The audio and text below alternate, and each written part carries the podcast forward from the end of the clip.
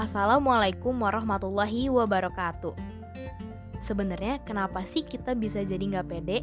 Dan apa sih faktor-faktor yang buat kita jadi nggak pede? Saksikan terus serial podcast Bisa Berubah bersama saya Nisrina Atirah, siswi dari SMP Darul Hikam Bandung. Halo guys, kenalin nama aku Nisrina. Biasanya sih dipanggil sama teman-teman tuh Nisrin atau boleh juga Ninis. Ya terserah kalian deh mau panggil aku apa. Nah, jadi kali ini aku mau ngebahas tentang kenapa sih kita bisa nggak pede. Sebenarnya kalau ditanya pernah apa enggak, ya pasti pernah lah. Orang sekelas Kylie Jenner aja pernah, masa aku yang bukan siapa-siapa nggak pernah. Soalnya waktu itu aku nggak pede tuh gara-gara teman aku ngatain kalau aku itu item ya aku juga sebenarnya iri sih sama teman-teman aku yang warna kulitnya lebih cerah dibanding aku. Tapi buat sekarang ya masa bodoh amat sama orang yang ngatain aku hitam. Eh eh maaf maaf kalau kok malah jadi curhat sih? Lanjut. Nah kan aku bilang tuh di awal kenapa sih kita bisa nggak pede? Kita bisa nggak pede tuh rata-rata karena komentar orang lain tentang diri kita.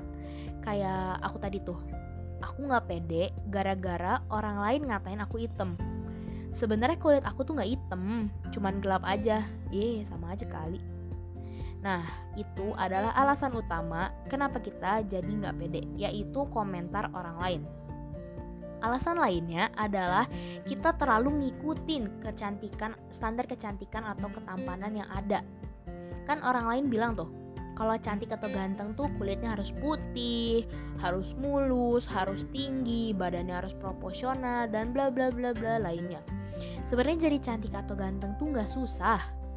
Cukup tanemin aja di mindset kalian bahwa kalian itu cantik ataupun ganteng dengan standar yang kalian buat sendiri. Kan kayak apa yang Huasa bilang tuh. Jika aku tak cocok dengan standar kecantikan generasi ini, aku harus jadi standar yang beda dengan kuat ini, aku jadi lebih percaya diri dengan apa yang udah Allah kasih ke aku. Nah, dari tadi kan kita bahas gak pede gara-gara penampilan. Sekarang aku mau bahas tentang gak pede saat kita ditunjuk untuk jadi pembicara di depan banyak orang. Aku yakin kalian juga pasti gak mau kan kalau harus ditunjuk jadi MC di depan banyak manusia-manusia yang hadir di acara itu aku juga yakin kalau kalian uh, pasti nggak mau kalau harus tampil di depan banyak orang. Tenang kalian gak sendiri. Aku juga sama kok kayak kayak kalian. Sama-sama gak mau kalau harus tampil atau ngomong di depan banyak orang. Kayak misalkan sekarang nih aku harus ngisi podcast bisa berubah sebenarnya karena suruhan seorang sih. Jujur aja awalnya aku tuh males banget karena ya aku nggak suka ngomong dan didengerin banyak orang kayak yang aku lakukan sekarang. Tapi itu semua aku atasin dengan satu kalimat. Yaitu kamu harus bisa. Kamu harus berani. Dan aku yakin kamu pasti bisa melakukannya dengan baik. Kalimat itu yang selalu aku bayangin kalau aku mau tampil ataupun ngomong di depan banyak orang.